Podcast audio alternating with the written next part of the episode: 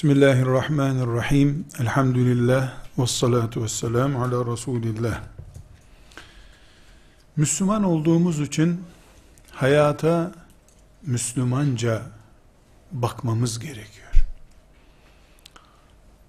Hayatın bütün parçalarını da Müslümanca anlamadıkça İslam bizim dinimizdir diye haykıramayız. Faizle savaşmak zorundayız. Çünkü ekonomi hayatın bir parçası. Faiz ekonomiyi haramlaştırıyor. Tıpkı zina ile savaşmak zorunda olduğumuz gibi. Hırsızlığı kötü görüp hayatımızda hırsızlık bulunmasın demek zorundayız. Aksi takdirde hırsızlığa ses çıkarmayan ben Müslümanım diye doya doya sesini çıkaramaz. Hayat insanla kesiştiği sürece insan da Müslüman olduğunu iddia ettiği sürece hayatın herhangi bir bölümünü İslam'ın dışına yani Allah'tan başkasının söz söyleyebileceği bir alana itemez. Tıp ve tababet ekonomiden daha fazla belki hayatla bağlantılıdır. Bir dağ köyünde ekonominin ne durumda olduğunu bilmeden yaşayıp ölebilir bir insan. Ama aynı insan filan ottan çay demleyip kışın onu bastıran öksürükten kurtulmak için muhakkak bir şeyler yapmıştır. Hiçbir şey yapmadıysa kış bastırdığında sobasının kenarında ısınmıştır hasta olmamak için. Bu da öncü tıp zaten. Dolayısıyla faizle savaşan bir Müslüman anlayışın tıbbı Müslümanca görme mücadelesi yapmaması henüz hayatın muhtevasından haberi olmadığının işareti olur. Biz tıbba Müslümanca bakmak zorundayız. Bu bir önceki dersimizde belirttiğimiz gibi kesinlikle tıbbın içinde bir devrim arzusu değildir.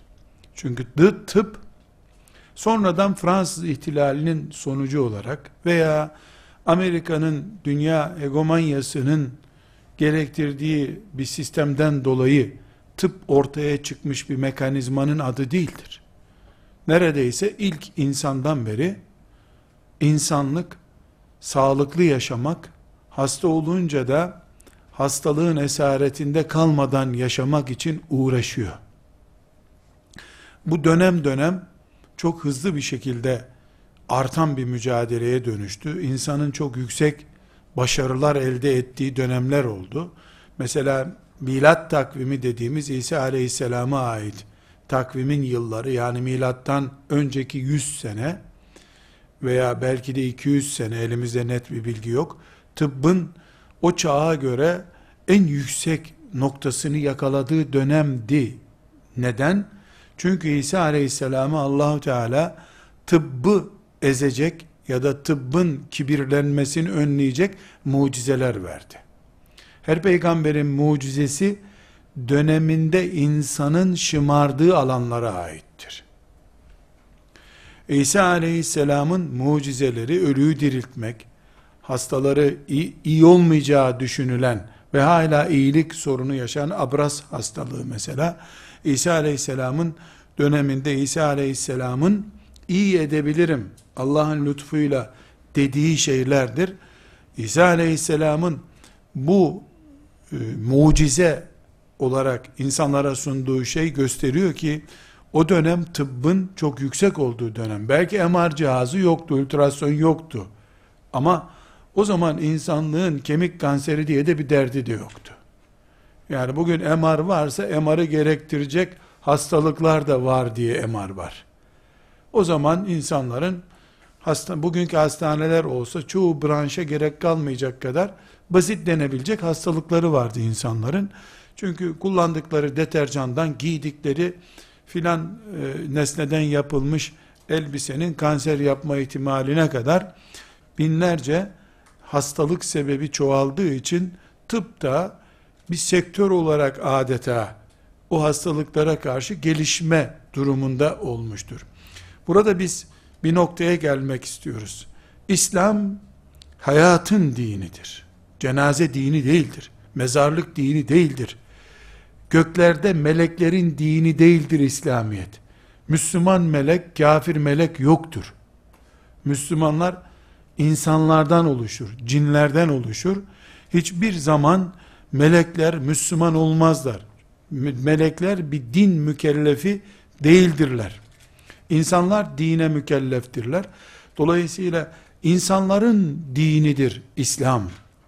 İnsanların bir nimet olarak ya da sorun olarak yaşadıkları herhangi bir olay, kavram, Müslümanca o kavrama bakmayı gerektiriyor. Mesela en basitinden e, tıptan önce bir afeti düşünelim. Yani depremi düşünelim. Şöyle diyebilir miyiz? Deprem allah Teala'nın yarattığı bir doğa olayıdır. İşte filanca metresinden şöyle bir kaynama olmuştur, çıkmıştır vesaire gibi şeyler. Bunlardan dolayı ya Kur'an-ı Kerim deprem rasathanesi kılavuzu mudur canım ne ilgisi var bunun diyebilir miyiz? Diyemeyiz.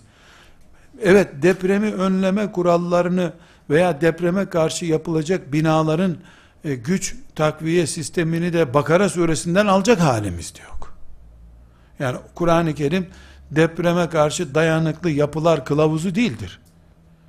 Depreme karşı dua da yoktur Kur'an'da. Yani deprem olmaması için toplanıp şu sureyi 4444 defa okursak deprem olmaz. Şeklinde bir şey de yoktur. Yani Kur'an ne depreme karşı dayanıklı kitap yapı üretebilir, proje üretecek bir kitaptır. Böyle bir iddiası yoktur. Böyle bir emri yoktur. Ne de deprem duası diye bir dua vardır Kur'an-ı Kerim'de. Ama deprem Müslümanca bakılması gereken bir olaydır. Buna rağmen depreme Müslümanca bakmadıkça Müslüman olamayız. Basit bir tabiat olayı deyip geçiştiremeyiz. Basit dediğin şey yeryüzünün üçte biri sallanıyor ve yeryüzünün sahibinin bundan haberi yok. Yeryüzünün sahibine iman edenler bunu yeryüzünün sahibiyle bağlantılı bir konu olarak görmüyorlar. Bu Müslüman olmayı kökten sallayacak bir sıkıntıdır. Bu yüzden depreme de Müslümanca bakmamız gerekir bizim. Ama depremi önleme kılavuzu Buhari'deki bir hadisten alınsın diye değil. Benim olaya bakışım Müslümanca olsun diye. Bu bakışım depremi önlemek için mühendislerden, jeoloji elemanlarından istifade şeklinde olur. Depremi itikadımla bağlantılı hale getirdiğim noktada da Kur'an'ımdan istifade ederim. Aynı şey tıp için de geçerlidir. Tıbba benim Bakara suresinden, Ali İmran suresinden tıp kuralları, Hipokrat yemininin Maide suresinden alınması gerekir. Çünkü İsa Aleyhisselam'ın mucizesi Maide suresinde zikrediliyor. Ee, bir sürü tıp e, karşı tıbba karşı mucize de e, İsa Aleyhisselam'da oldu. Demek Hipokrat yemini yerine Maide yemini diye bir yemin yapalım şeklinde uçuk, saçık bir e, söz söylemenin anlamı yoktur. Çünkü biz tıbba Müslümanca bakalım derken ameliyatlar artık bıçakla değil de destereyle yapılsın diye söylemiyoruz bunu. Bununla bir müdahalemiz yok. Tabibin yerini görmek istiyoruz. Tıbba Allah'ın koyduğu kalıbı anlamak istiyoruz. Burada geçen dersimizde de belirttiğim gibi tıbba Müslümanca bakmamız bizim tıbba eğer 10 bin sayfa kitap okunarak elde edilen bir ilim diye bakıyorsak buna bildin bilemedin bin sayfalık bir ek kültür ilave ederek o da tıbbın özüne müdahale değildir. Tıbbın pratiğine müdahaledir. Yani tıbbın pratiğine müdahaleyi de inşallah önümüzdeki derslerde farklı pencerelerden onlarca konu üzerinden görmeye çalışacağız inşallah.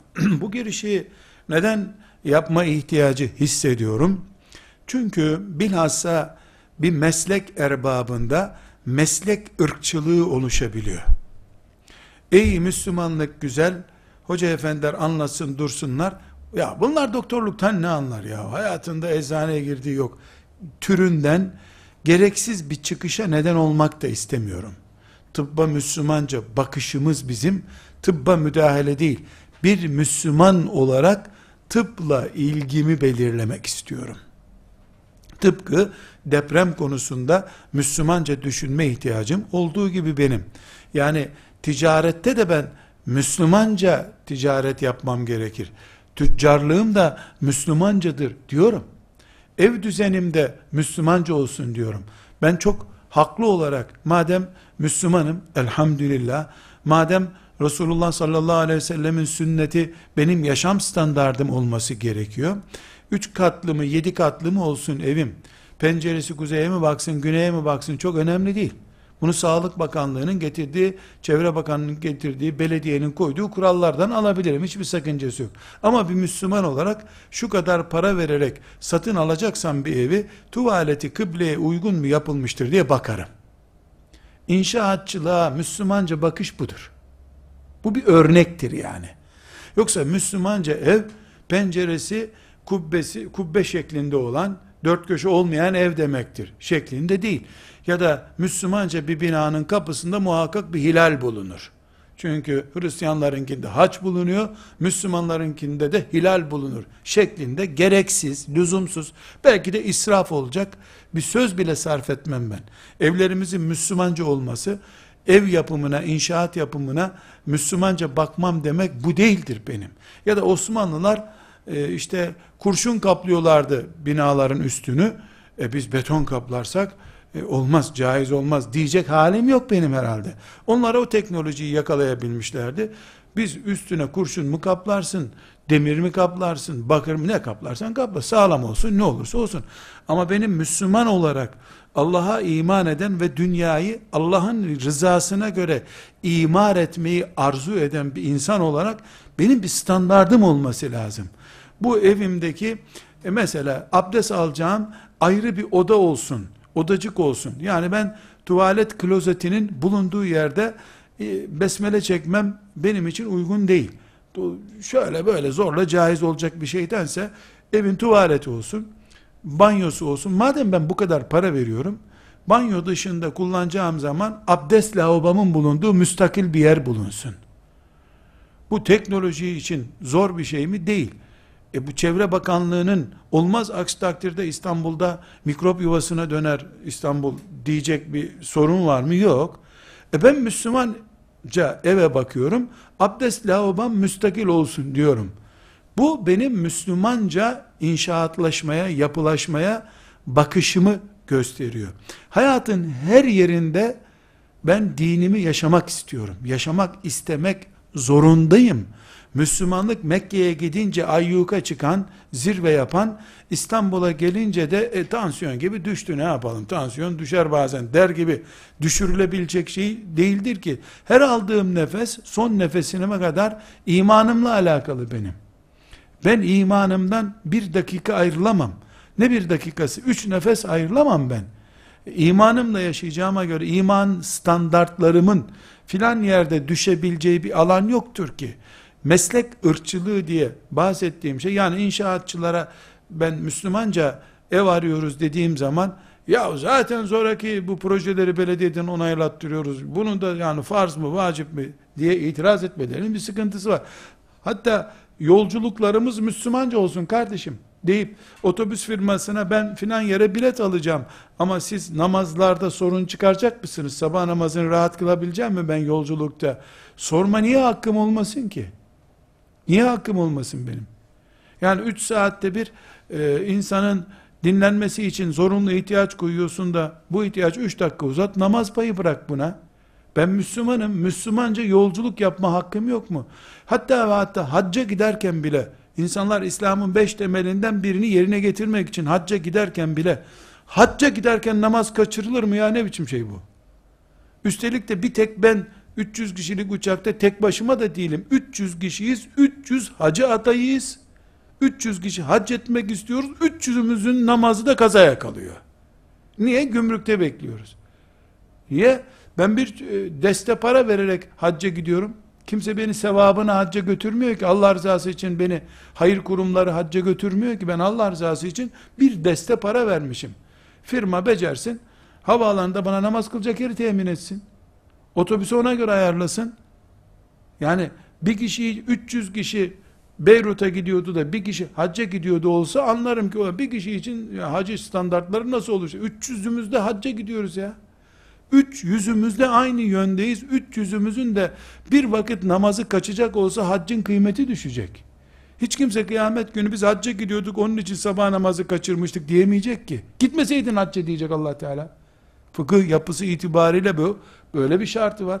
Yani bir Müslüman olarak belli bir gereksiz e, refleksler yüzünden ya da o reflekslerin en az 50 senedir, 100 senedir bir kamuoyu baskısıyla bizi utanılacak şey haline soktuğu için dinimiz penceresinden baktığımız zaman yani bu dinden bakmaya neredeyse ya bunu gündeme getirmek çok ayıp denecek hale geldiği için biz maalesef Müslümanca bakmak kelimesinden haz duyamıyoruz.